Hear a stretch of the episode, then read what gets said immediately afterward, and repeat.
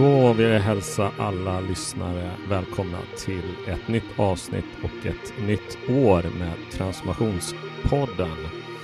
Det är 2023 och eh, vi håller på att vänja oss av med att säga 2022. Eh, vi har mycket framför oss som är spännande, inte minst i den här podden. Och eh, idag ska vi prata om framtiden och hur man jobbar strategiskt och konkret med den.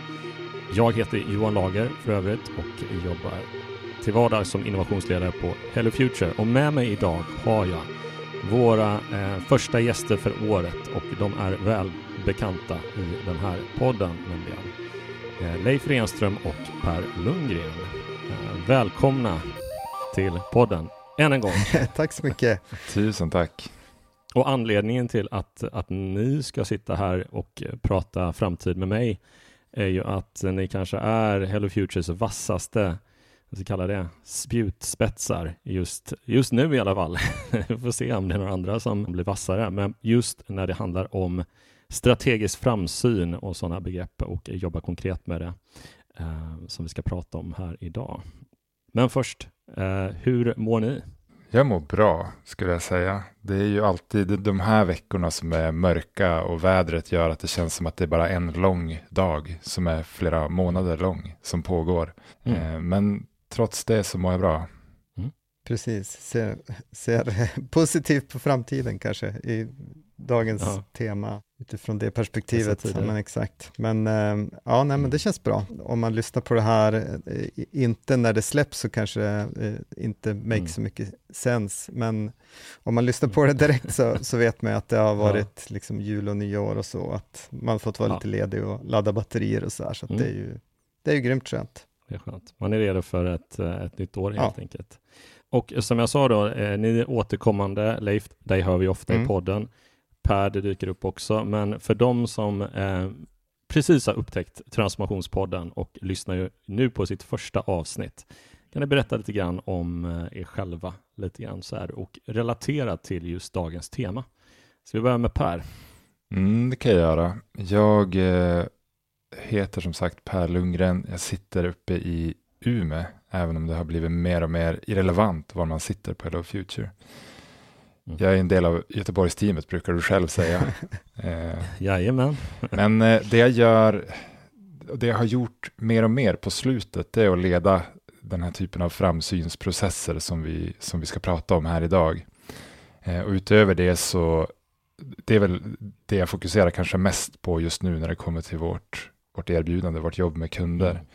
Mm. Men sen så sköter jag ju faktiskt också nyhetsbrevet, så då kan jag passa på att plugga för det så här tidigt, att man, man ska prenumerera på det.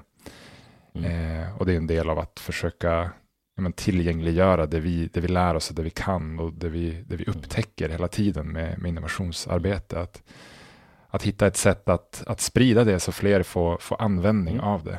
Så det, det sysslar jag med. Ja, det ska man göra. Signa upp på vårt nyhetsbrev. Och det gör man ju på hellofuture.se bör vi också ja. nämna. Eh, men Leif, lite kort om dig. VD på Hello mm. Future. Mm. Precis, och um, har jobbat med den här typen av, av framsynsprocesser eller strategic foresight, att tänka om framtiden, mm. ganska många år. Dels med mm. eh, på oss själva så att säga, eh, att applicera det på, mm. på hur vi ska ta oss fram i världen och navigera, mm. eh, men också då tillsammans med kunder vi kanske startade, gissar att det är ungefär sju år sedan nu vi gjorde de första projekten där vi använde scenarioplanering och, och visionsarbete mm. eh, plockat från Strategic Foresight. Men det har hänt väldigt mycket sedan dess. och, det har det. Och, eh, ja. Per, du, du har gjort det här och du också Johan, ni har gjort det här mm. mycket mer eh, än vad jag har gjort de senaste åren, men, men eh, jag har väl ändå någon, någon slags sådär historiskt perspektiv på det och har sett den utvecklingen mm. vi har gjort från när vi började testa använda det här tills vad vi, mm. vad vi kan och vet idag. Så det kan väl vara mm. kanske intressant att titta på.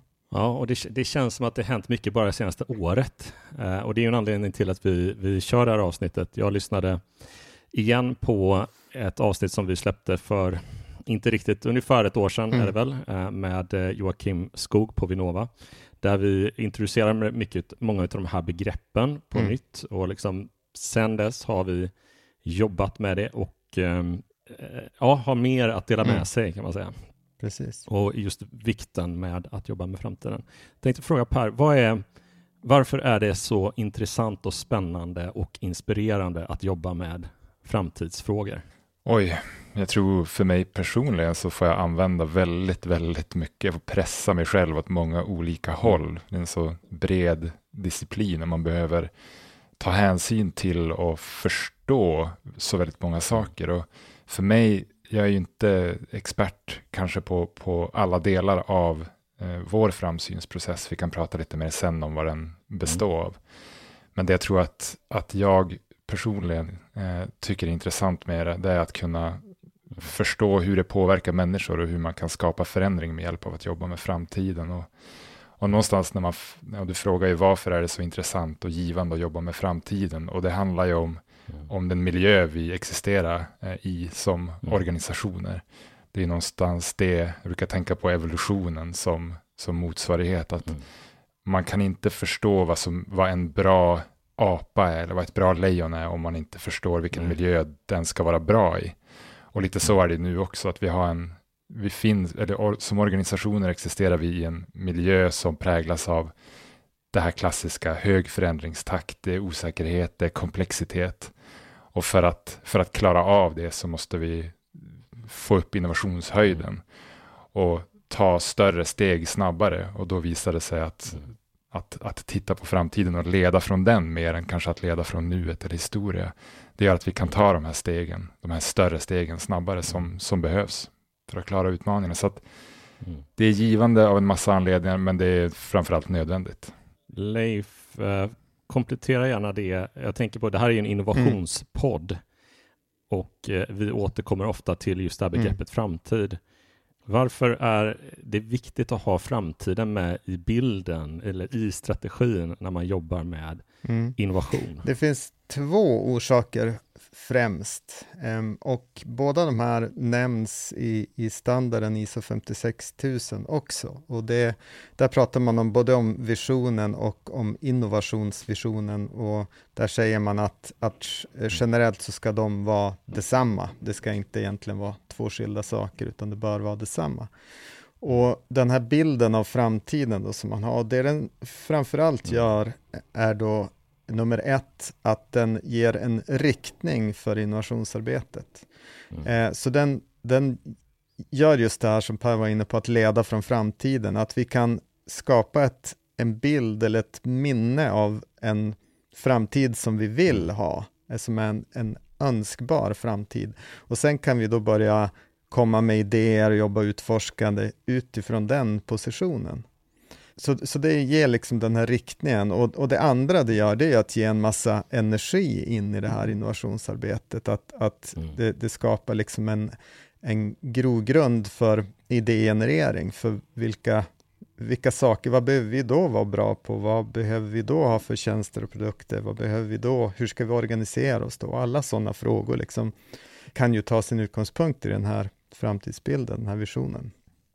Mm. Så, så just riktning och energi och bränsle in i, i det här innovationssystemet, eller vad man nu ska kalla det, de här aktiviteterna vi ska göra sen för att uppnå innovation.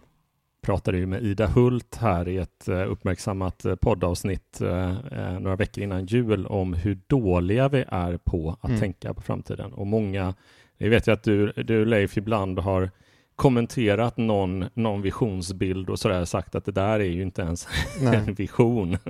sådär. Ehm, varför är vi så dåliga på att, att tänka och visualisera, alltså visualisera framtiden bara som individer, människor och organisationer? Vi, eh, ofta blir det någonting eh, ganska okonkret och eh, ja, det som säger det saknar den här riktningen som, Mm. som det behövs. Jag, jag tror att det har att göra med att om man ska göra en riktigt bra vision eller bra bild av framtiden så krävs det ganska mycket fantasi.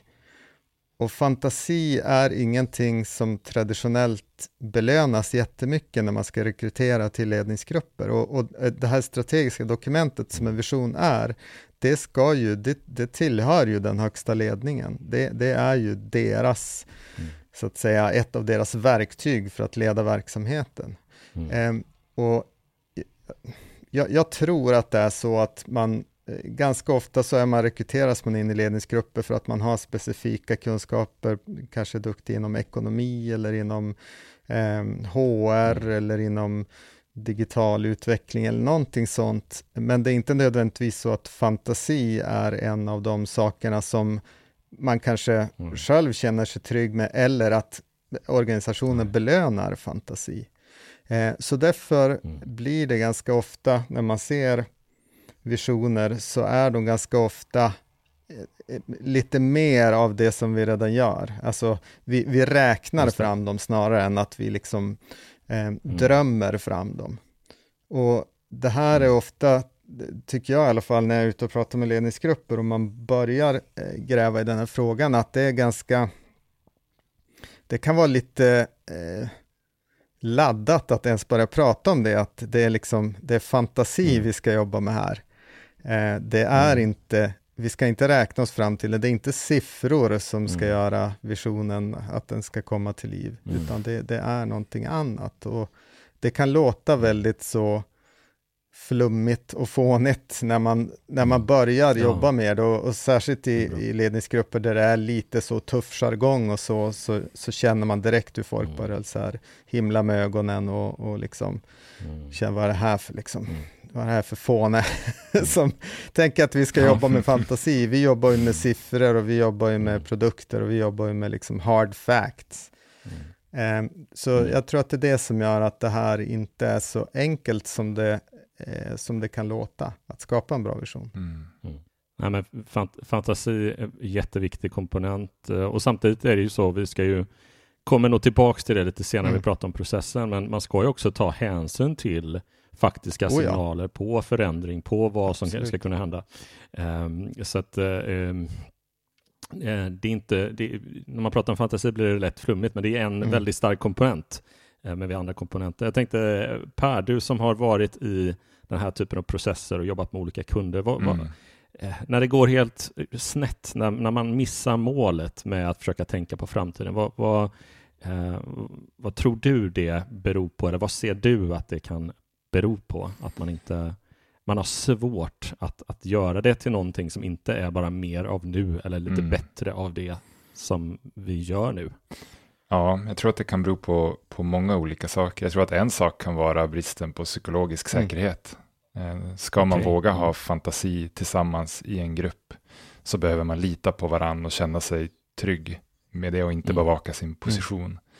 Mm. Så det har jag definitivt upplevt i vissa grupper, att det verkar som att bristen på, på den typen av trygghet saknas mm. och det leder till att vi inte, vi får ingen fantasi, vi får ingen höjd i det vi försöker göra.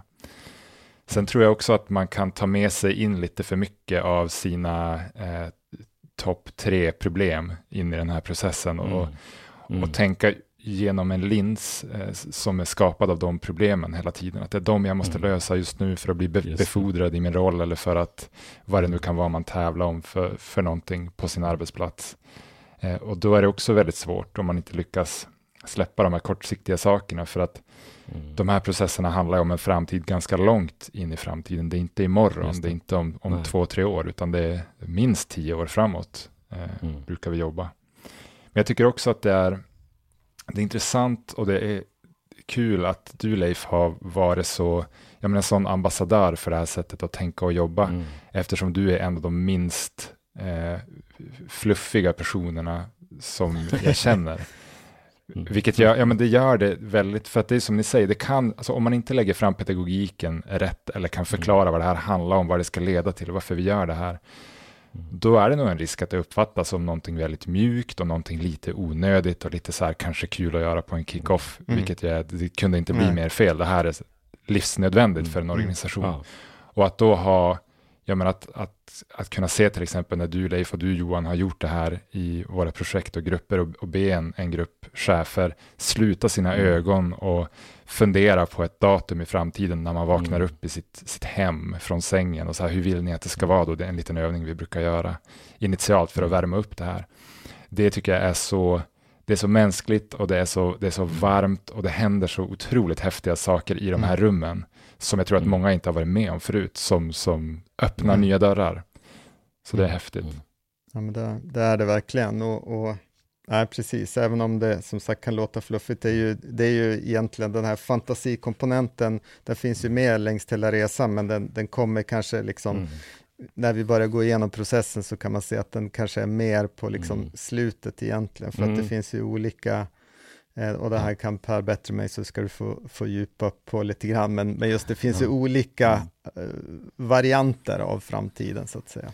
Ja, men vi ska, vi ska ta och packa upp ett, eh, ett annat begrepp eh, just kring det här kon konkreta med att jobba med framtiden och EU strategisk framsyd eller strategic foresight eh, på engelska. Man vill, eh, det, man, om man vill googla nu så, så hittar man säkert mer artiklar, videos, eh, annat på just strategic foresight. Det är ju hett just nu Per. Ja, är det det? Eh, ja. Jo, ja. Nej, men det har ju fått, eh, det, det, har ju funnits länge det här. Mm. 60-talet, jag vet ett sånt här exempel som jag ibland brukar berätta är oljekrisen i slutet på 60-talet. Då Shell eh, insåg att, att det är en väldigt eh, snabbt förändrande marknad och priserna på olja, hur ska vi kunna fortsätta existera på den här marknaden om det svänger så här mycket? Vi, vi har ingen beredskap för det, hur ska vi agera? Och då använde man scenarioplanering eh, och gjorde det lite känt så eftersom man fick så otroligt goda mm. effekter av det. Man blev marknadsledande mm. på ganska kort tid efter att man hade börjat tänka och göra på det här sättet. Och det etablerar väl strategisk framsyn som en disciplin som var värd att utforska. Och sen mm. tror jag ju med pandemin att det har fått det här stora uppsvinget vi ser idag, där mm. vi vet att EU-kommissionen till exempel pratar om det här och har, mm. har människor vars, vars uppgift är att se till att man, man har med det här strategiska framsynsperspektivet i allting man gör i stort sett. Och det är mm. människor väldigt, väldigt nära toppen som har det mm. ansvaret. Mm. Ja, och jag tror också att jag tror att det har breddats, för det är ju ett väldigt brett område, strategic foresight. Vi, mm. Man brukar prata om, om eh, dels den, den troliga framtiden, den möjliga framtiden och den önskvärda framtiden. Och jag tror att väldigt många har varit vana att jobba med den troliga framtiden, alltså man gör prognoser för saker. Hur, hur ser befolkningstillväxten ut? Hur många kommer att flytta in? Hur mycket bostäder ska vi bygga? Och så vidare. Den typen av, det är också Strategic Foresight. Um, och den, en, den är inte så flummig och den är inte så mycket fantasi och den, den är snarare ganska konkret. Så att, eh, medan den här då möjliga framtiden, det är ju mycket scenarioplanering och den typen av arbete och det har ju också många provat på tror jag mm. i något sammanhang att man har varit med i någon scenarioplaneringsworkshop om man sitter i en ledningsgrupp. Eh, men man kanske inte har tänkt på det som framsyner strategic foresight, utan man, man har varit med i en aktivitet. Mm. Medan då den här sista delen om den här önskvärda framtiden, som är just det man behöver lägga till om man ska få fram en, en vision i slutändan. Då. Eh, den mm. tror jag att all, inte lika många har, har varit med om att, att formulera just mm. den här, men hur, hur vill vi att det skulle vara då? Så jag, jag, mm. tror att det är den som vi har fått bättre och bättre verktyg för inte minst de senaste åren och runt en del böcker som har kommit ut och sådär och en del arbetssätt som har börjat etableras mm. som, som jag tror har hjälpt just den, den önskvärda mm. framtiden. Just det arbetet har blivit mycket bättre och mer konkret. Mm. Det är ofta så att det är gam, gamla begrepp som får nya, mm. nya vingar under nya säsonger eller nya eh, Ja, beroende på vad vi står inför också så kanske det här verktyget har då plockats upp lite mer tydligare på agendan för att vi står inför vissa utmaningar och pandemin möjligtvis också var en sån där liten, liten något som skakade om världen under mm. ett par år och eh, då, fick, då kom det här upp till, till ytan eller eh, liksom okej, okay, här ser vi någonting som kan, som kan hjälpa oss och eh, Visst är det så också att eh, det är väl EU-kommissionen Per eh, som har också tillsatt en person, en ansvarig för bara den här typen av frågor. Precis, nej, nej, det stämmer. Det, mm. det har de gjort. Eh, mm. Och de har själva, alltså EU-kommissionen har ju, har ju, de definierar strategisk framsyn som en disciplin, en disciplin när man utforskar, förutser och formar framtiden. Mm. Vilket jag, jag tycker den är intressant för den säger så, så mycket saker. Dels säger den att det är en disciplin mm. och en disciplin är ju någonting stort mm. där, vi, där vi har många, eh, många olika typer av, av, mm. kunskaper, verktyg och metoder som ryms. Mm. Och sen säger den också att det handlar om att utforska, vilket indikerar att det finns någonting. Varifrån vi står idag så finns det någonting att upptäcka om framtiden. Eh, mm. och vi kan också förutse en viss del av den. Och det var det här Leif var inne på mm. när han pratade om vad som är möjligt och vad som är, är troligt. Mm. Att vi kan, vi vet ju Hans Rosling till exempel var ju duktig på prediktiv ja. analys. Eh, mm. baserat på, på data. Eh, från idag kan man vrida fram tiden 10 år, 20 år och säga någonting som är i stort sett, alltså det kanske är 99 procent sannolikhet kommer det vara så. Mm. Och det ryms ju i den här trolighetstratten om man tänker sig framtiden som en mm. kon som breder ut sig från där vi står idag och framåt. Men, men den här trolighetstratten är väldigt liten. Det är som ett litet, litet rör som är omgivet av ett mm. mycket större rör där vi har möjligheterna. Mm. Eh, så att, men tillbaka till EU-kommissionen, som sagt utforskar och mm. förutser. Eh, det finns någonting att förutse. Hans Rosling kan hjälpa oss och människor som han. Och det sista, kanske mest intressanta, att vi också kan forma framtiden. Det finns alltså en mm. del av det här vi kan se idag, där vi själva får vara med och styra lite grann på något mm. sätt. Och det är där någonstans det här önskvärda eh, kommer in, som är så kraftfullt när vi gör med våra kunder. Vi går igenom en ganska lång process och någonstans eh, mitten, slutet av den processen så ställer vi frågan, men givet de här utmaningarna ni ser, givet de här möjligheterna vi har undersökt, hur vill ni att det ska bli? Vad ska vi ha för värde? Vilket värde ska vi skapa för de som finns runt omkring oss? Hur ska det vara att jobba på den här arbetsplatsen? Vilka relationer ska vi ha? Mm. Det är en, en, fråga som, som verkligen kan, mm. kan ta mm. fram helt nya saker än vad man har tänkt på förut. Ja, vi har något, eh, något citat från, från en, en bild som du delat eh, i något sammanhang Per. Där det står uh, “The commission is strengthening its culture of preparedness”. Mm. Jag tycker jag är väldigt bra. Alltså så här, för, jag vet inte hur jag ska översätta det, men en kultur som är Beredskapskultur. ja, mm. beredskapskultur. Alltså mm. att man är, och det har vi pratat om så mycket när vi jobbar med, med den här typen av frågor och även tidigare med mer transformationsfrågor det här, att det handlar om att vara förberedd eller kunna vara redo när saker och ting eh, händer. Eh, plötsligt kanske, eller sånt som man skulle kunna eh, faktiskt kunna ha bättre förutsägelser för. Och eh, jag, som sagt jag lyssnade igenom det här Johan, eh, Joakim Skog avsnittet och det, det, det spelades ju in en bit innan eh, Ryssland invaderade Ukraina och det är väldigt intressant Leif att du nämner eh, i princip något sånt där att eh, ja, varför är vi inte förberedda mm. på att det där kan hända? Eh, vi kan vara mm. utan internet i tre månader och det var lite Ja, det är både naturligtvis tragiskt, eh, men också, jag tyckte det, det var ett utropstecken i, i det, det avsnittet där. Um, varför är vi så dåligt förberedda? Alltså, det, det, det, är ju någonting där som gör att vi, det här, det här strategiska framsynen gör oss mer, eh, liksom, eh, det, det, kommer inte som en chock när olika hän, händelser dyker, mm. dyker upp egentligen. Eh, det, det kan säga att en, en av de bra verktygen. Ja, men, mm.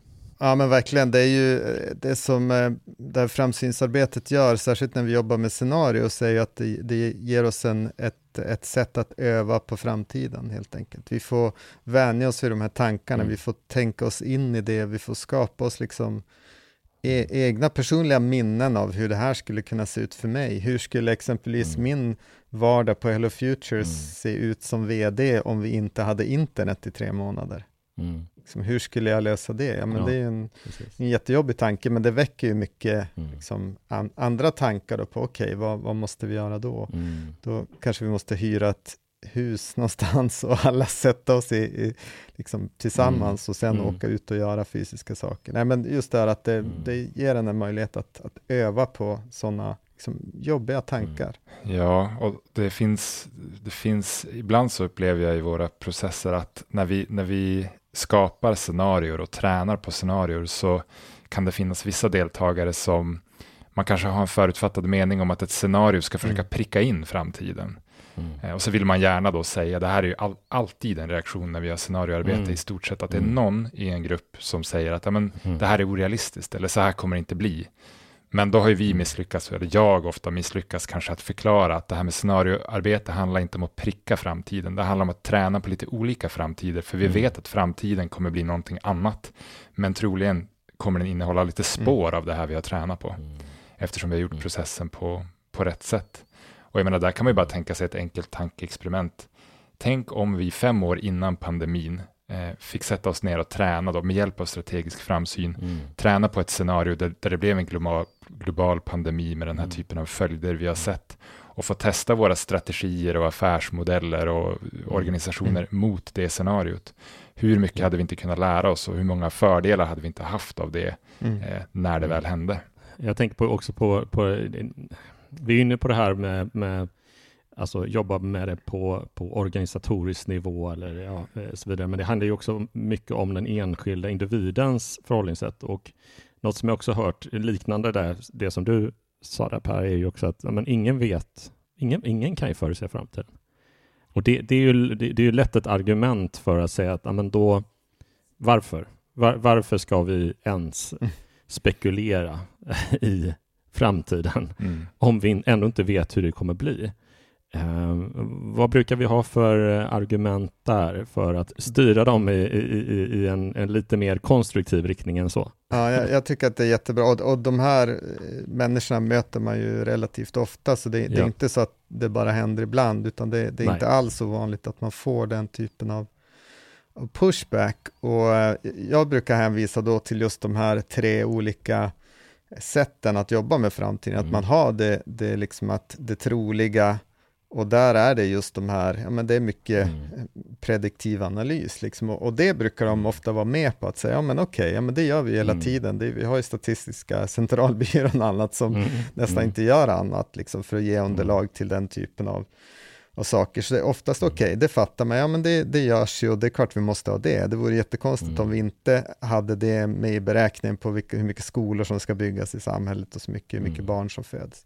Så okej, okay, ja men då köper man det och sen är nästa då, okej, okay, men sen kan vi också jobba med de här då eh, tänkbara framtiderna som är scenarioplanering och det är ju bara att titta mm. på, menar, mycket av det här kommer ju såklart ha sin grund i så mycket med strategi att göra med liksom krigsföring och så. Mm. Att man mm. tänker sig olika scenarion, ja men tänk om de gör så, ja men då skulle vi kunna mm. göra så, och tänk mm. om de gör så, då skulle vi kunna göra, om det händer, ja men då gör vi ja. så där och så vidare. Och då är det också så här, ja det är inte så konstigt, Vill, skulle man vilja ha ett försvar som inte tänkte i scenarios. Nej. Som inte hade en, liksom, en plan B. Mm. Ja, det, alltså det vore ju helt mm. vansinnigt och då är det ju så här, ja men ska man inte göra det som organisation då? Ska mm. man inte vara förberedd på att någonting kan hända? Det verkar ju mm. jättedumt och det brukar mm. också säga, ja nej det är sant. Det, det brukar de flesta ja. också köpa att ja. det kanske vi borde ha. Det finns också ett sannolikhetsargument som jag brukar dra fram ibland som är att om vi kan titta, saker vi kan se idag, förändringsfaktorer, trender, ibland kan man dela in trender från mjuka till hårda och då har det med sannolikhet att göra. När en trend är hård så är den kanske, ja, låt säga 97 procent eller högre sannolikhet att inträffa. Eh, och mycket av, av befolkningsdatan vi kan titta på idag, det, det, det är ju hårda trender. Vi vet att vi mm. kommer vara fler om fem år. Vi vet en massa saker. Eh, men sen finns det ju saker vi tittar på som har kanske 50 procent sannolikhet att inträffa, eller lägre, och, och, det vet man ju aldrig riktigt. Men det intressanta är att om vi orkar jobba med, med tillräckligt många scenarier av framtiden, då kan de ha en ganska låg sannolikhet var och en av dem, men tillsammans blir sannolikheten ganska stor att någonting eller delar av det vi har mm. arbetat med inträffat. Så att därav arbete i strategisk framsyn, det är verkligen ett framsynsarbete. Man måste orka mm. titta på olika saker. Mm. Hej! Johan Lager här som bryter in lite kort i det här poddavsnittet. Jag sitter med min kollega Per Lundgren som jobbar med vårt nyhetsbrev, transformationsbrevet. Jag ska tänka Per att du skulle få berätta lite grann. Vad är transformationsbrevet? Ja, men tack Johan, det kan jag göra. Transformationsbrevet är vår möjlighet att fördjupa innehållet från podden i ett nyhetsbrev. Så det är någonting som kommer varannan vecka i den som prenumererars inbox.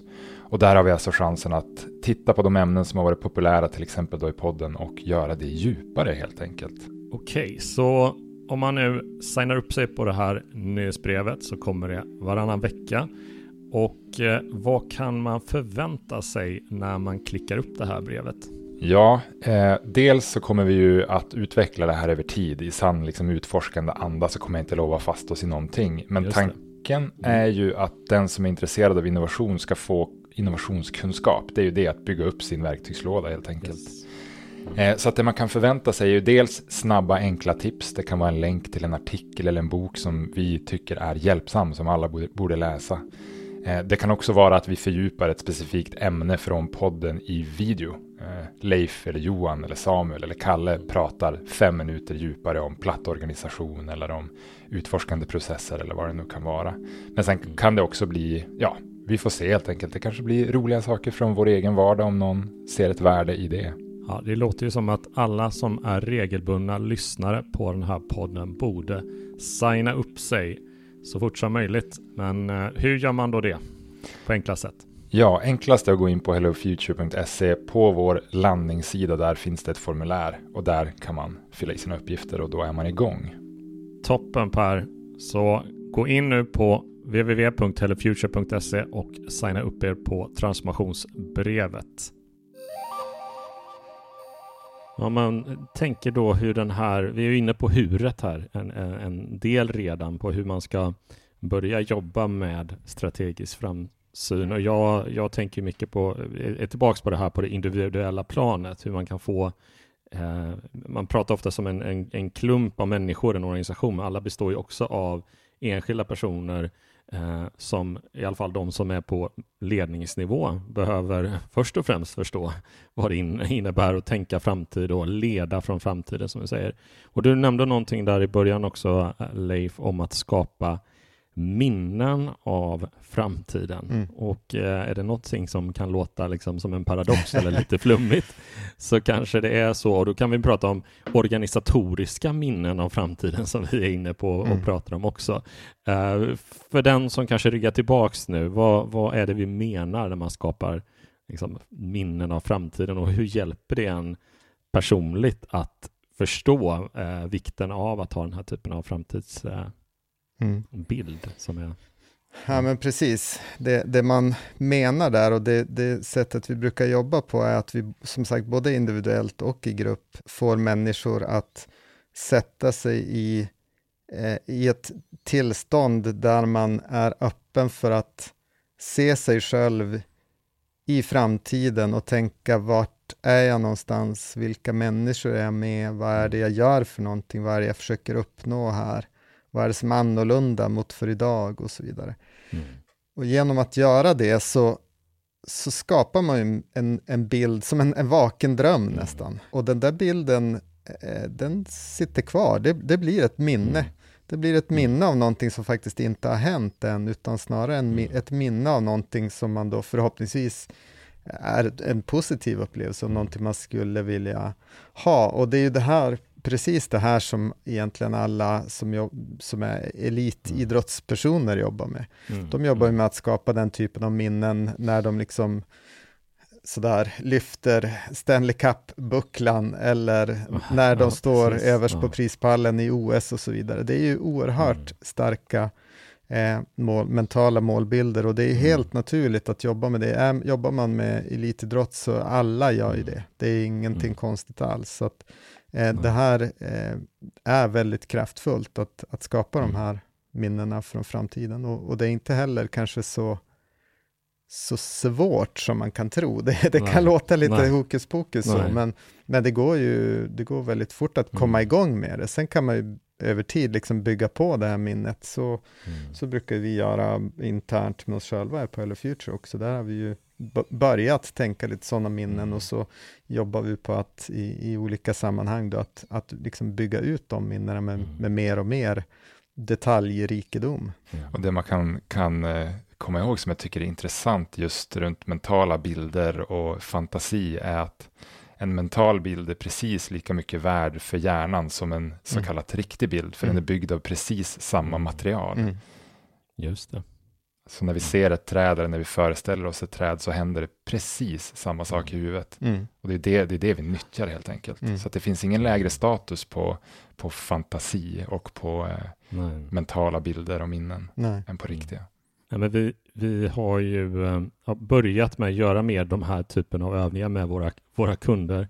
Och äh, det är ju så att det finns väldigt mycket forskning på att det här fungerar. Mm. det, det, det kanske man inte tror, men vi får länka till Imaginable-boken mm. som uh, har alla de här uh, vet det, uh, fotnoterna till, uh, till forskningen mm. som, som, som styrker hur, vad det gör med människor, inte minst man har använt det i, ja, med jobba med patienter som är deprimerade mm. eller har stark ångest eller den här typen av problem. Man ser verkligen att det hjälper personer och man ser också att den här typen av tekniker, att jobba med framtidsminnen av framtiden, gör att organisationer eh, kan komma in i det här mer fantasifulla och kan ha en annan typ av relation till framtiden mm. än att bara, bara ha den här, ja men ingen vet hur framtiden kommer bli och så är man fast i det som faktiskt går att planera, inte bara det, eller inte det som, som vi ska liksom, ha strategier kring. För det är just där det här med scenarier kommer in, vad som kan hända inte hända. Att man, man, man, vi pratar ju om strategisk framsyn, mm. att, att det är ingen plan för framtiden eh, först och främst, utan det är en, det är en strategi eh, för framtiden. Och, och, det som eh, det de här kliniska studierna och det visar är ju att man genom att jobba med framtiden, genom att tänka mycket på framtiden, så, så blir man också mer positiv till framtiden.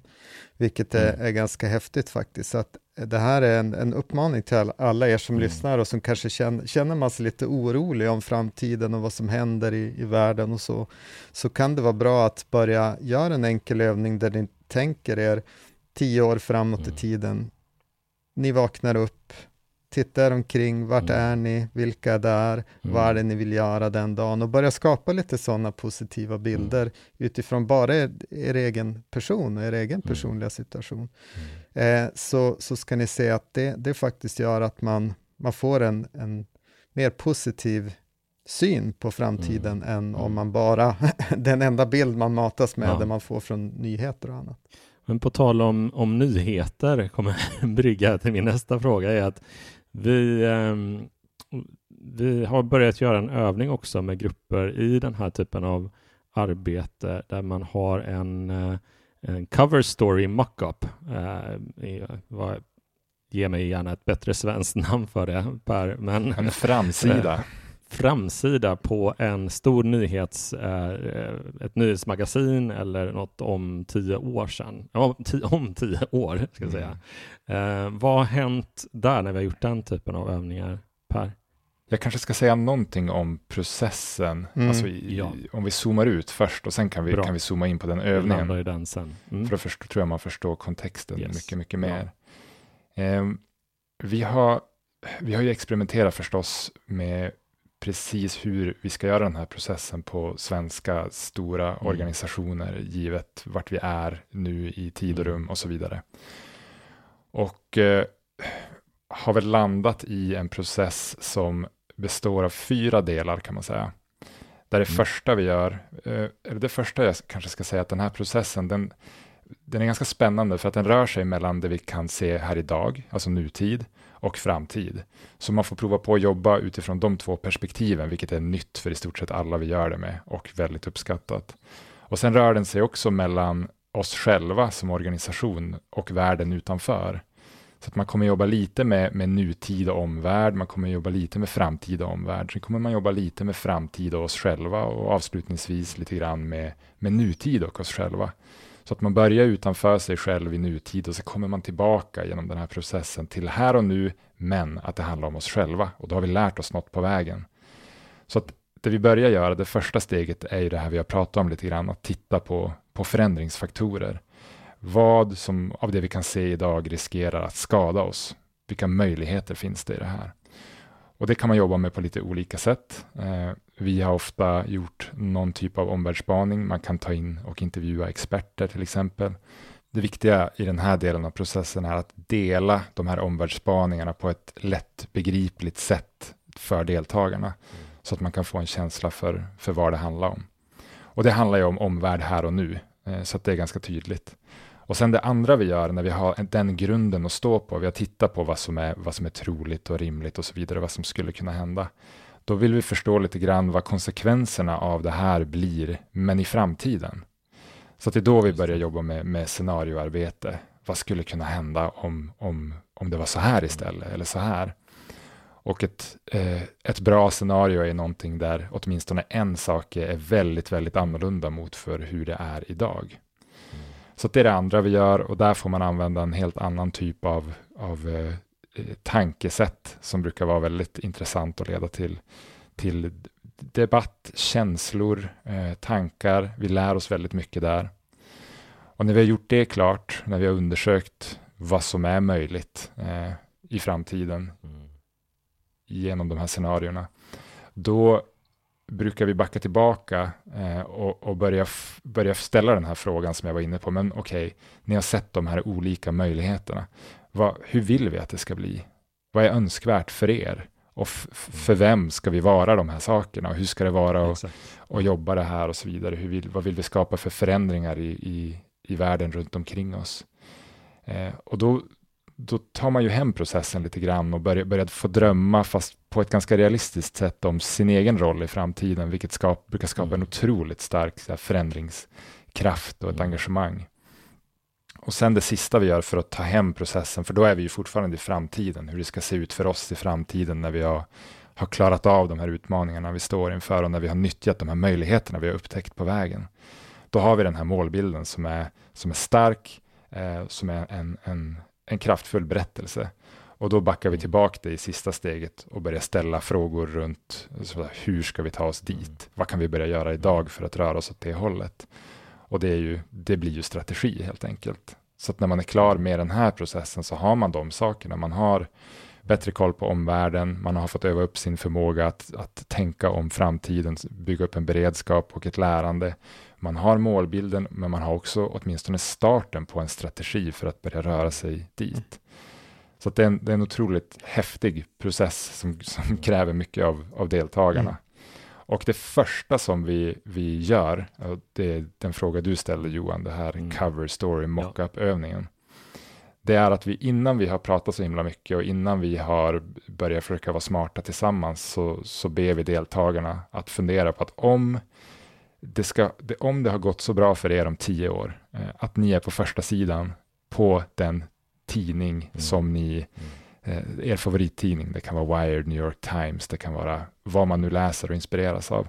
Om ni skulle få en första sida där, då har det ju troligen hänt någonting ganska häftigt ja. och nytt. Så vad skulle det kunna vara?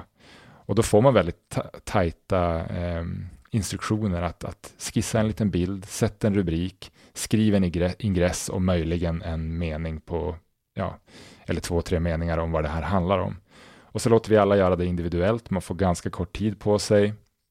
Sen klistrar vi upp det här på, på en stor vägg så att det blir som ett galleri. Och sen går vi igenom, utan att prata om vem som har gjort vad, så går vi bara igenom det här. För att få en, dels en, alltså, energin höjs ju i rummet när man gör det här. Folk, det är väldigt, väldigt kul att se positiva berättelser om sig själv i framtiden.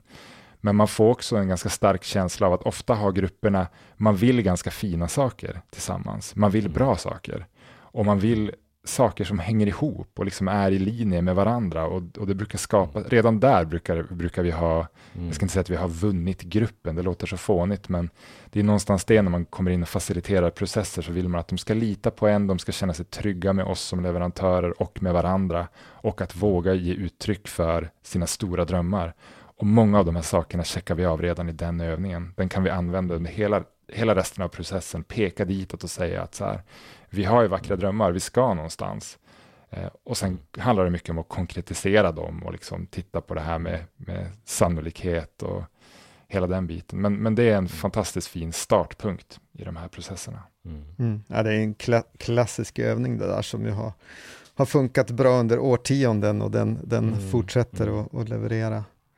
Eh, och jag tänkte på det också, att det vi, det vi har det vi har lärt oss eller kanske fått, jag vet inte om vi har lärt oss det, jo men jag tror att vi har lärt oss det, men kanske framförallt fått bättre självförtroende för att våga göra det. Det är ju mm. just det här att, att scenarion och allting man jobbar med i den här processen fram måste väcka känslor.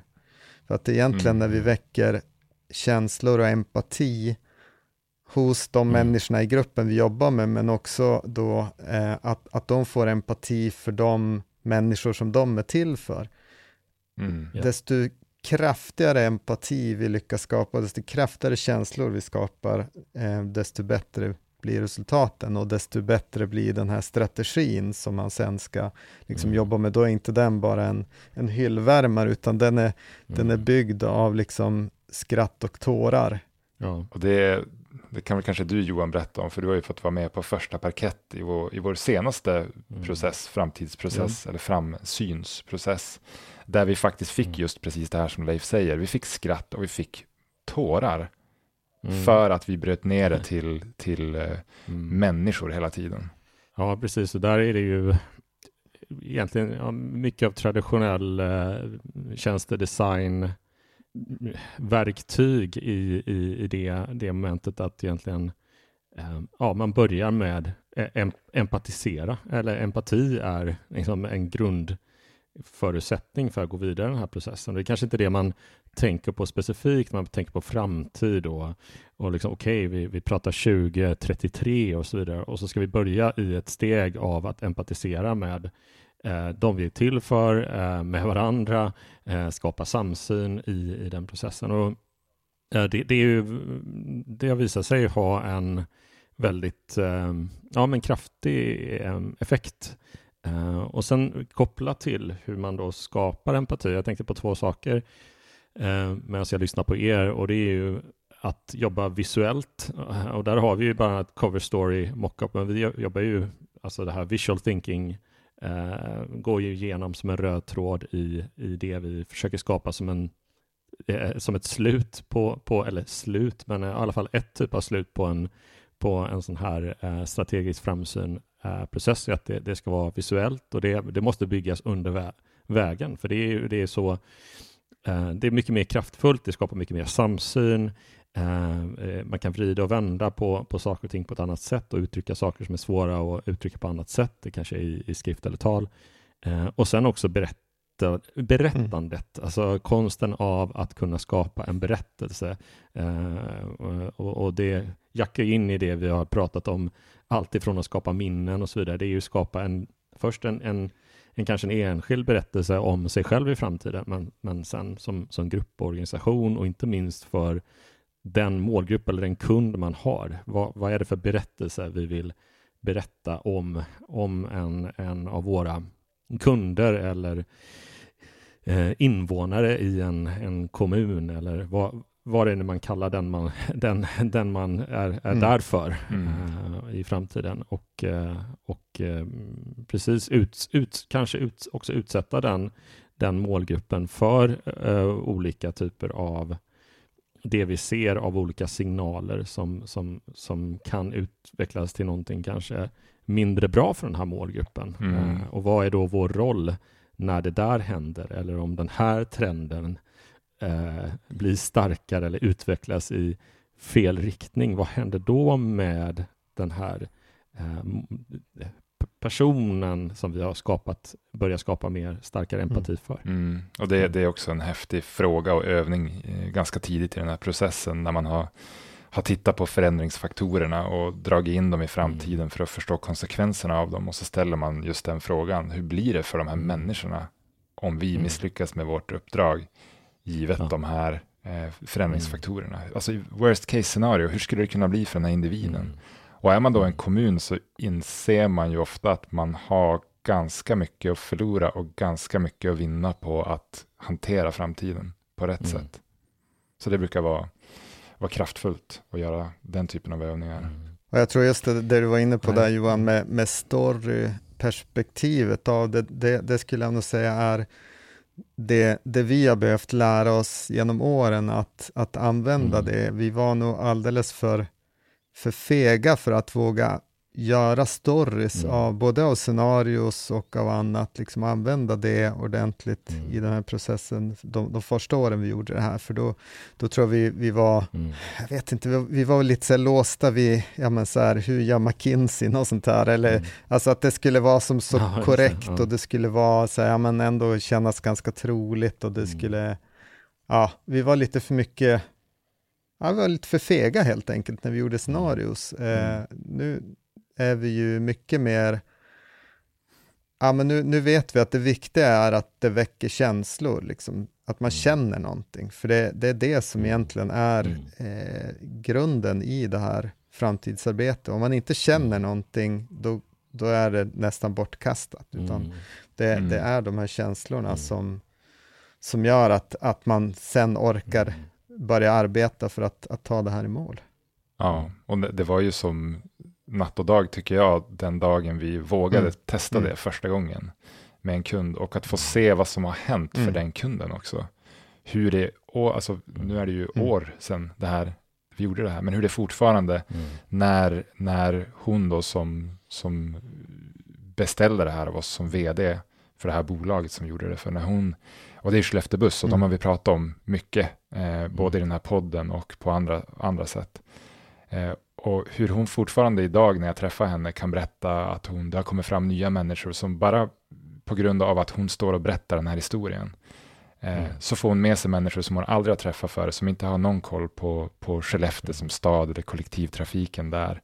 Men för att man, man, man tar till sig av den här tydliga mänskliga berättelsen och vill vara med Mm. på något sätt på den här resan som de gör. Så det har varit, det, det, har, det har varit mer kraftfullt än vad jag trodde och då är ju som ni vet så är jag, alltså storytelling är ju min, det är Mm. min disciplin. Mm. Det är ju det, jag- Ja. det jag alltid Mm. pratar om. Men Mm. det har varit fantastiskt att se vad som händer Mm. när man vågar Mm. göra det. Men jag, jag tänkte på ett, på ett ord som, som jag tyvärr har i bagaget som, som lite sådär det är lite halvfult eh, ord, tyvärr, beroende på att eh, ja, det kan, kan jag behöver inte gå in på nu, men just inspiration, eller att, att något ska vara inspirerande. Mm. Man pratar om inspirationsdag Mm. eller in, inspirationsträff eller något som ska inspirera. Ehm, och just när man kopplar till den här typen av process så tänker man det att vi ska ha någonting som är flashigt för det, det inspirerar. Men inspiration är ju någonting som, som ska liksom Mm. mana till handling. Det är någonting som man är med om, man, man, man får se någonting eh, som gör att man tar ett steg, liksom, i, man gör någonting med sin empati. Alltså man, man, man handlar, man, man börjar liksom ta någon typ av, Mm. av action. Ehm, och, och det är viktigt att det som kommer ur en sån här process är inspirerande i sin sanna bemärkelse. Det vill säga att det inte ska bara visa på hur vad teknik kan göra, för det kan ju inspirera en på en annan sätt eller vara en Mm. wow-faktor. Men riktig inspiration gör ju att jag börjar bete mig annorlunda här och nu, eller vi som organisation börjar ta steg. Som sagt det ska ju leda till ett, att man hoppar från framtidsbilden in i vardagen, in i arbetsvardagen och, och gör någonting. Och då ska ju den här bilden hela tiden skapa den här typen av inspiration. Ja, alltså jag skulle nästan vilja, vilja vrida upp det och säga att den ska skapa engagemang. Mm. Eh, I alla fall, alltså nu, det här med ord är ju, vi har våra egna definitioner av dem, men för mig har inspiration, jag också, som alla jag Mm. känner är man ju inspirationstorsk i det att det är skönt att vara inspirerad, men det händer Ja. kanske inte alltid någonting. Men däremot engagemang, alltså det kommer ju från engage, Eh, man, man blir, man tänds upp och Mm. tvingas Mm. röra sig Ja. åt ett annat håll på grund av det man just har varit med om. Så det är nog snarare det ordet jag skulle säga är, är Mm. avgörande att, eh, eller den känslan är avgörande Mm. att få till. Ja, men Mm. precis, jag tror att mycket av Det av det som vi tänker på som inspiration är ju lite så eh, kontextlöst. Alltså det, det kanske är så här, ja men Mm. det är inspirerande att höra någon som har klättrat upp för ett berg och det var strapatser och så, men, men det är inte nödvändigtvis någonting som är relevant för mig i min, i de, nej men Inte exakt i, i just där nej. jag är i mitt liv och det är det som är Mm. skillnaden när man gör de Mm. här processerna. Mm. Det är ju ultrarelevant för de som är med i den här. Det är ju deras Ja. egen framtid och deras Mm. möjligheter och deras liksom kollektiva framtid för den här organisationen vi pratar om. Så det är ju det här blir ju på ett annat sätt. Jag tänker att det blir lite som eh, ja, men energi i stort. Om man, Mm. om man bara vill ha i sig energi, ja men då kan man käka godis liksom. Men det kommer inte nödvändigtvis att ta en dit Ja. man vill. Men om man däremot har liksom en träningsplan och tränar för ett specifikt mål, ja men då kommer man att kunna äta rätt mm. typ av energi vid rätt tidpunkt som boostar mm. det som är dit man ska. Liksom man, man, det blir strategiskt på ett annat mm. sätt och det är det det här är till för. Det, det är inte liksom en generell inspirationsdag och, och jag håller med dig att det, det är, mm. jag har också en viss allergi till det ordet och jag ser också alldeles, alldeles för mycket tycker jag, nu kanske jag trampar in, nu kanske jag gör någon sur här, men jag tycker mig se mm, alldeles för mm. mycket sånt på, på LinkedIn exempelvis, att det är så mycket så här, ja men vi mm. måste skapa inspiration och vi måste inspirera och kan du så här förkorta det där, det är så krångligt, kan vi bara få ge mig två ord som gör mig inspirerad? Och det är så här, nej men den där snuttifieringen av det, och det det är inte det vi pratar om när vi gör det här. Det här är Nej. att jobba med strategic foresight och skapa en, en, en vision som ska ligga till grund för en strategi. Det är hårt arbete mm. som också mm. är väldigt kul och inspirerande och skapar mm. engagemang. Men, men det är hårt och mm. metodiskt arbete man behöver göra, helt klart. Ja, och det är ingenting som tar slut heller bara för Nej. att man har sin målbild Nej. på plats, utan det är ju i, i den bästa av världar en kon kontinuerligt pågående lager av ens organisation som matar in mm. i allt man gör, i strategi, i innovation, mm. i, i hela mm. kakan så att säga. Det pågår, det pågår, mm. det pågår. Mm. Ja, jag, jag hade en fråga om, om lite så här fallgropar kring om man vad, kan, vad, som kan gå fel i en sån här process. Men jag, tänker jag, jag vet alla de sakerna som kan gå fel känns ja, det som just nu. Men, ja, men, men, jag tänker man kan ju bara också bara vända på dem se till att inte vara visuell. Eh, ha ingen, ingen berättande. Eh, se till att, att inte få med dem i processen att förstå vad framtiden är eh, och eh, ha någonting som inte engagerar någon. då, då, då, då, har man gjort det på fel sätt. Men komplettera gärna Per. Ja, alltså det, det, där det faller, eh, där det kan falla som mest tycker jag, mm. det är när, när det inte finns en, någon ledare, eller den, den viktigaste ledaren, eller de viktigaste ledaren, vem de nu än är inom en organisation, när de inte, eh, ska man säga, visar tydligt att det är så här det ska bli, det är det här vi ska göra nu, det här är mm. viktigt. Eh, mm. jag själv eh, det har inte hänt så ofta för oss. Jag tycker vi har haft jättetur där, men jag har en hel, ett helt liv innan Hello Future också, där jag gjorde de här sakerna mm. delvis utan att förstå helheten. Um, och där var det så många gånger som jag stod i rum och tänkte så här, men ta mig bara härifrån, för det här kommer aldrig att funka, för att nu är jag inbjuden för att vi ska ha mm. lite mysigt mm. ett tag. Mm. Det, här, det är ingen som vill någonting med det här egentligen. De mm. gånger när det, när det här har lyckats bäst för oss är också de gånger där vi har haft beställare eh, eller ledare i rummet som har ställt sig upp och sagt att det här, så här ska det bli. Vi har bestämt oss. Vi måste göra någonting annorlunda. Mm. Eh, så mm. enkelt är det. Och sen har den personen eller de personerna kunnat öppna dörrar och vara ambassadörer genom hela processen och mm. efter processen. Då har man jättegoda förutsättningar. Mm. Ja, den är, den är super, superviktig. Det går nästan inte om, om finns det ett stort motstånd i ledningsgrupp exempelvis till att göra det här, då är det ju, ja, då är, det, då är det där man måste börja och jobba i så fall. Alltså innan man kan göra visionsarbetet, då måste man börja med att luckra upp det och skapa den här psykologiska tryggheten och få alla att, att vara med på, på resan. Ja, och sen den andra jag skulle vilja lyfta också har vi delvis varit inne på, men det är ju att blanda ihop eh, strategi och, och eh, vision i samma, i samma berättelse. Att försöka visa inte bara hur det ser ut när vi har lyckats i form av en berättelse med, med människor, utan att också så här hela tiden visa hur vi tog oss dit och vilken teknik som låg bakom det och så vidare. De gångerna då vi har blandat ihop det för mycket har det blivit som allra mm. sämst, som svagast. Eh, och de gånger vi har vågat, eller nu för tiden, när vi, när vi har lärt oss det här den hårda vägen, när vi vet att separera strategi och vision mm. väldigt tydligt och våga ha den här raka mänskliga berättelsen. Mm. Då får vi ett helt annat, en helt annan effekt av, mm. av målbilden. Och det, det bryggar in i det jag sitter och funderar på nu, för jag är alltid, eller vi är ju måna om, med de vi jobbar med i den här typen av processer, att först och främst, när har man rätt förutsättningar att sätta igång en sån här process? Eller vilka förutsättningar tycker vi är bra?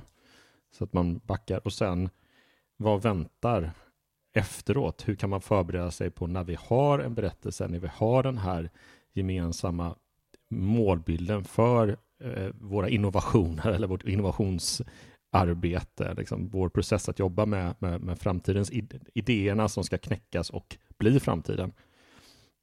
Vad, har, vad har vi på dem om vi tittar på innan, innan vi sätter igång och även efter?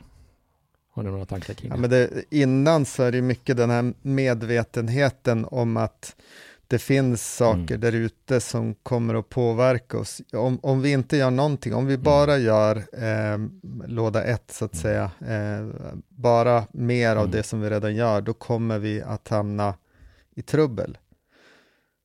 Ha, har man den insikten, det skulle jag säga är en, en väldigt bra liksom startpunkt. Mm. Eh, och det är allt fler som har den insikten sense idag. Of urgency. Ja, en viss ja. sense of urgency, precis. Och det andra skulle jag säga är då just det här att man, man eh, har en grupp som är villig att jobba med det här, där det finns eh, den här någorlunda bra psykologisk trygghet i alla fall och, och inte liksom en, mm. en eh, mm att man sitter där för att på något sätt bevaka ens egna intressen eller någonting.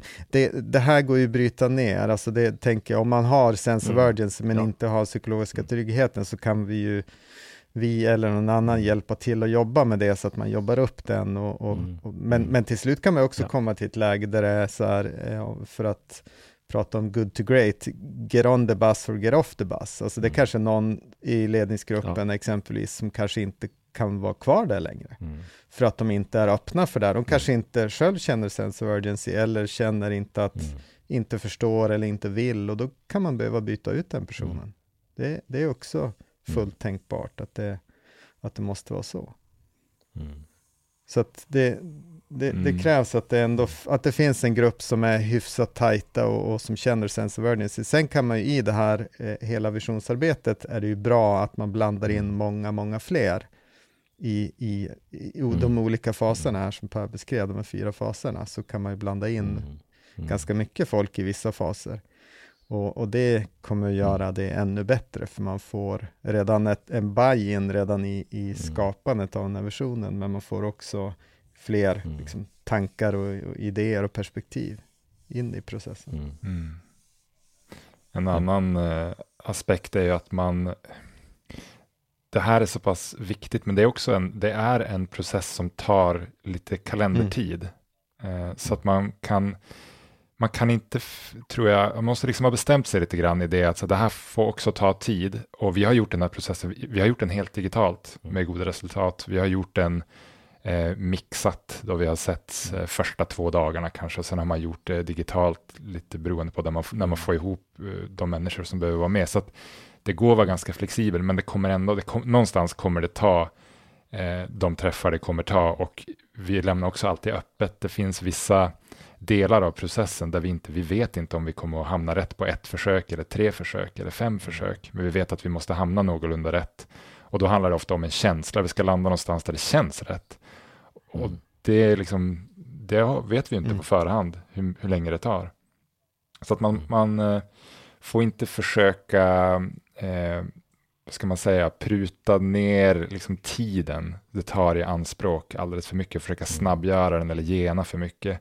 Då är det bättre att vänta tills man känner att man har den tiden, för det här är, det är så pass viktigt att få gå igenom de här mm. rörelserna och ta sig tillbaka. Och jag tror att en, om vi en, lyfter en till fara med, med det här så så är det nog, jag har sett ganska ofta att man gärna vill hoppa till det här steg fyra som du pratar om Per, som ju egentligen är, är backcasting. Mm. Alltså att man, man har en framtidsbild och så gör man, ställer man sig frågan hela tiden, vad måste ha hänt för att det här ska vara sant? Och det, ja, det är en, en form av backcastingövning. Mm.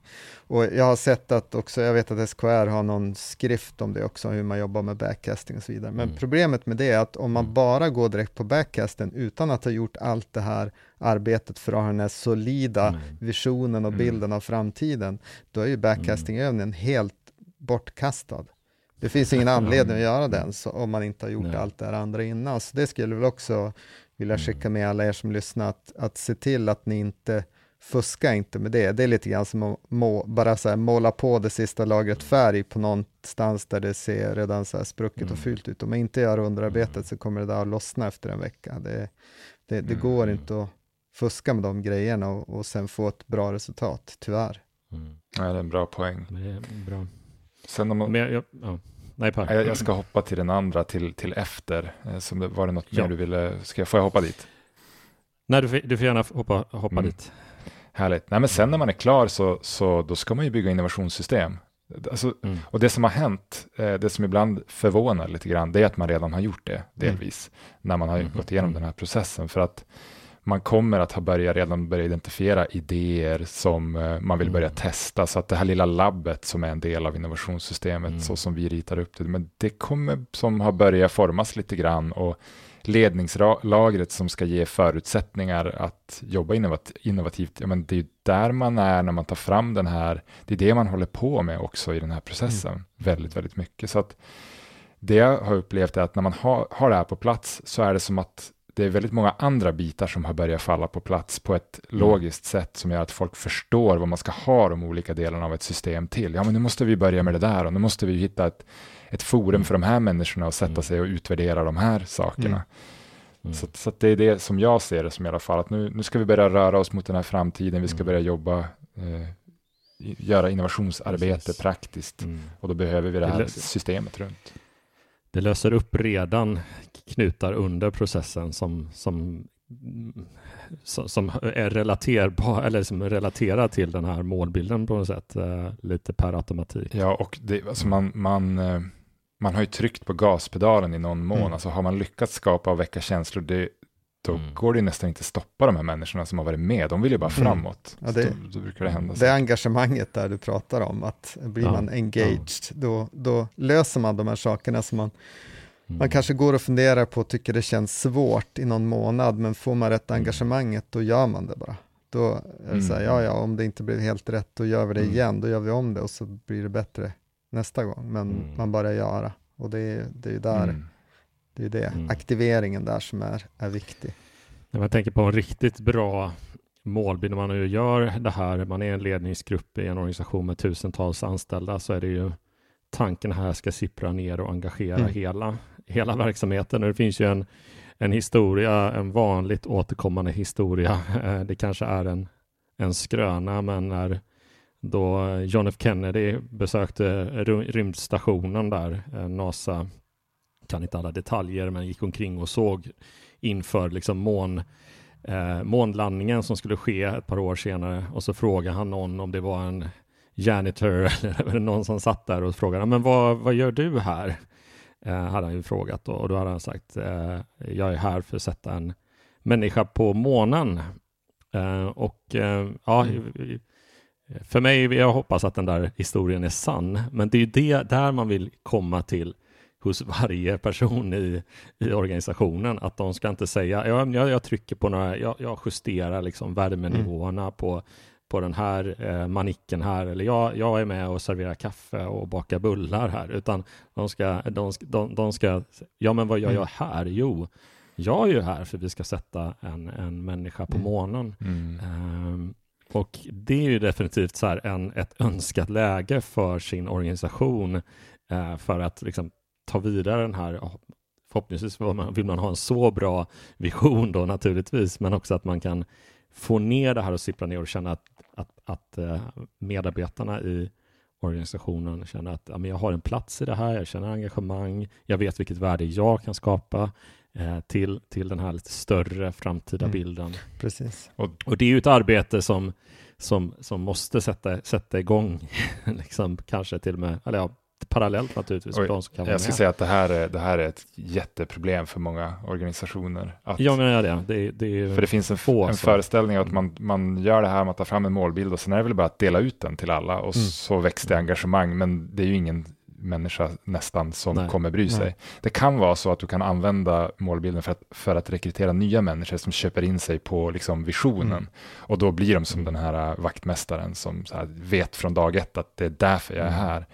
Men de som redan jobbar här kommer troligen tycka det är ganska jobbigt att det kommer en berättelse uppifrån som de själva inte visste skulle tas fram än, så de absolut Mm. inte har fått vara med och skapa. Så där är ju tricket att ja, men hur, Mm. hur förankrar man en sån berättelse i organisationen? Jo, man måste låta människor Mm. skapa den igen själva på sitt sätt Mm. med sina huvudkaraktärer. Mm. Och, det, och, då vi inne, och det som är intressant med det som vi pratar om här och nu idag, vi pratar om framtiden och hur, hur skapar man en bild av framtiden, mm. men vi är ju inne på massa olika eh, områden så att säga. Du pratar om en disciplin ja. där Per, och för nu är vi inne på det här st strategy activation, som det kallas, mm. att liksom hur ja. skapar vi mm. aktivering mm. i organisationen runt det här vi vill åstadkomma då, mm. eh, med den här visionen mm. och strategin vi har tagit fram. Eh, och, och, där finns det ju en, det finns en bra bok om det, eh, Strategy Activation, mm. som vi kan rekommendera och mm. som ju, där vi kommer att ha en intervju med författaren i, i, våran, eh, i våran andra podd, Exploring Innovation, den engelska mm. podden, inom, inom kort. Mm. Så att mm. eh, sök rätt på den om ett par veckor så, så kommer den att finnas. Men, men det handlar ju helt enkelt om, om att göra just det jobbet mm. som du sa Per, där att få mm. alla att, att, att själva liksom bli delaktiga i den här strategin. Och det finns ju mm. till och med mm. konkreta siffror där tycker jag som är intressant, att det visar sig att om om man inte har minst 7% av organisationen som, som känner sig delaktiga i, i den här strategin, mm. så har man ingen chans att lyckas. Där någonstans finns det liksom en magisk mm. gräns. Eh, och desto högre eh, nummer du har på den, desto, desto större chans har du att, att nå, mm. nå den här eh, dit man vill. Saknar ni den gamla goda tiden då man kunde bara dela ut order och det, var ju, det spelar ingen roll vad folk kände, det var ju bara att utföra. Ja. Precis. Nej, men jag, jag tänkte att vi har, jag öppnade lite grann på den där luckan för att se att eh, vi har annat att grotta ner i eh, i den här podden och, och, och, och, fortsätta det här samtalet kring, kring eh, att jobba med framtiden och få in strategi och system för innovation och så vidare.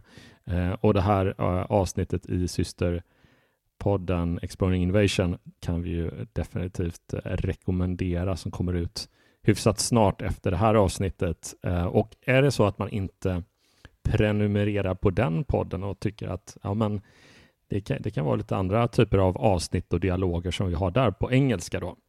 Så gå in och gör det där du lyssnar på, på poddar.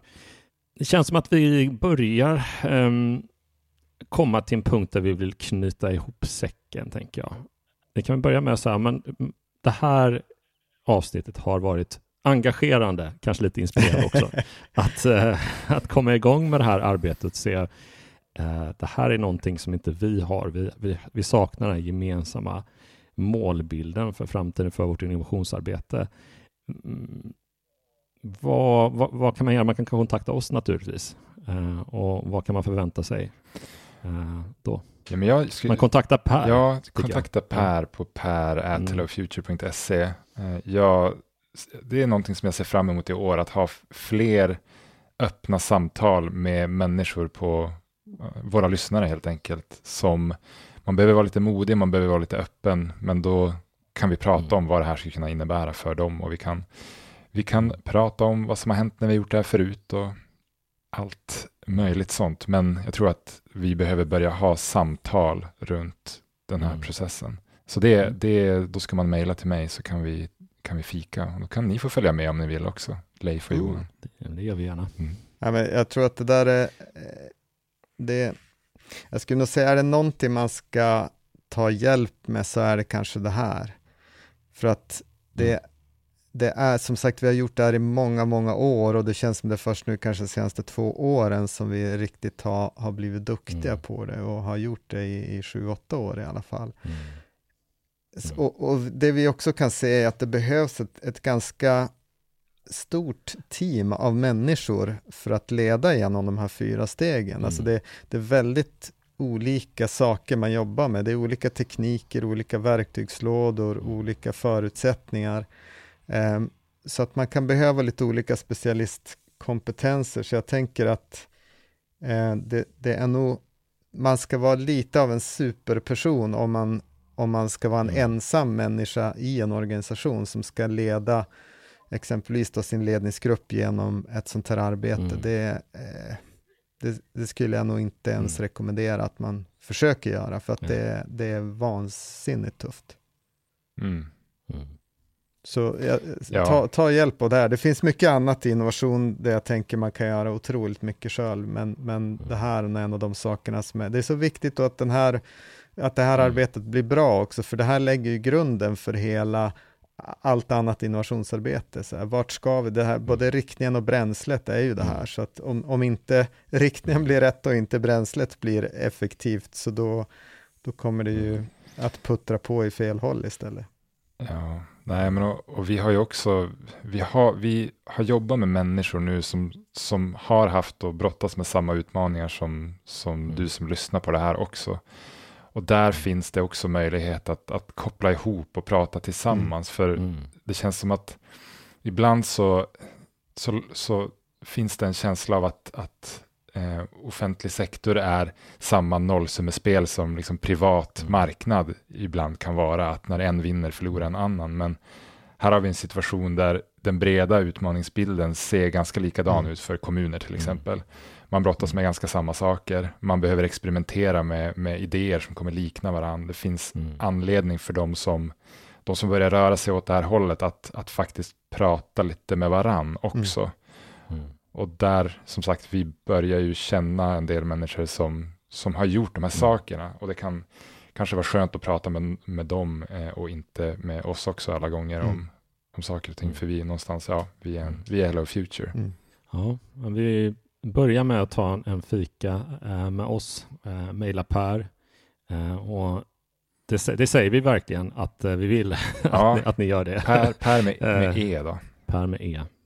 Ja, är det något annat som, som ni vill plocka upp här innan vi... Ja, men vi, vi kanske bara ska ja, men just bara fördjupa det lite mm. grann. Det, det, är inte så ofta vi försöker pusha på liksom erbjudanden i, i podden, för det är inte det podden nej, är till nej, Jag kände det, det blev jättekonstigt. Ja, men, men det, det, här är så pass viktigt och, och det är så pass svårt att göra på egen hand att, att jag skulle säga att ska, ska ni är det någonting vi ska pusha för så är det det här. För det här är också mm. det som, och det här, har jag sagt i många, många år, så det är ingenting jag har kommit på nu, utan det, är det någonting som, som ger stor effekt snabbt, så är det det här.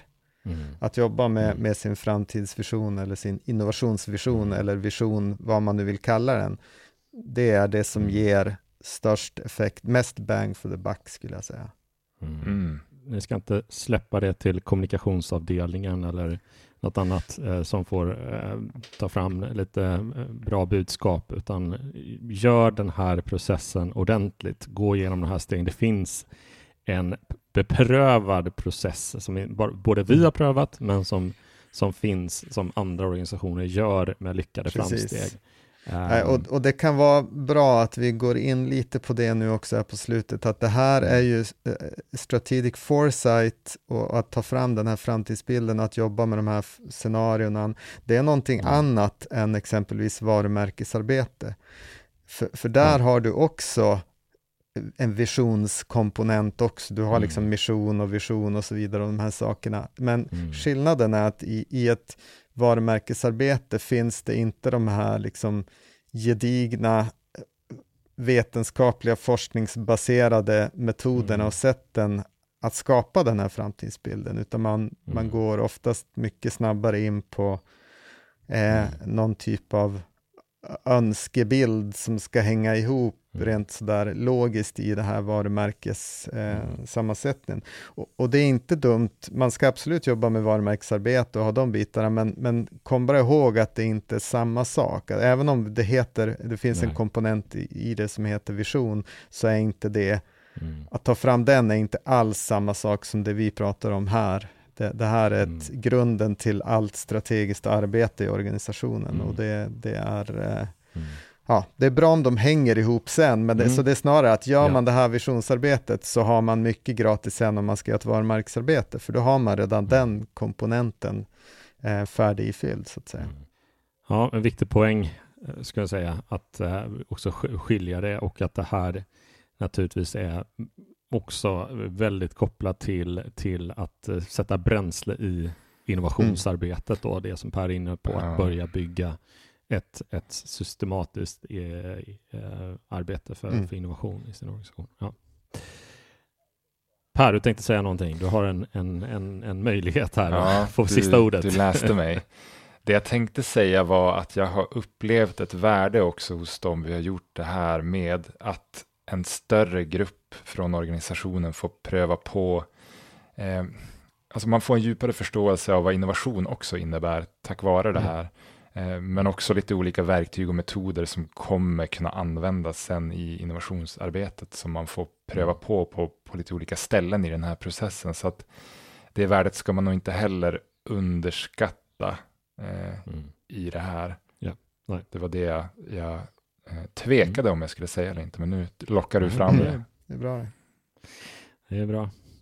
Ja, men eh, det här har varit en är väldigt, väldigt intressant och trevlig timma och en kvart eller vad det är vi har eh, pratat om det här. Det är ju ett, ett ämne som ligger varmt om alla våras hjärtan och eh, vi hoppas i år att vi får öppna dörren, att det här skapar nyfikenhet för fler organisationer att kontakta oss, börja prata med oss och börja arbeta tillsammans med oss. Eh, för det är någonting som är väldigt, väldigt kul, givande och extremt, extremt viktigt nu när eh, vi går in i det här året, att organisationen är väl förberedda eh, på, på vad som komma skall och har en, en tydlig riktning för sitt innovationsarbete.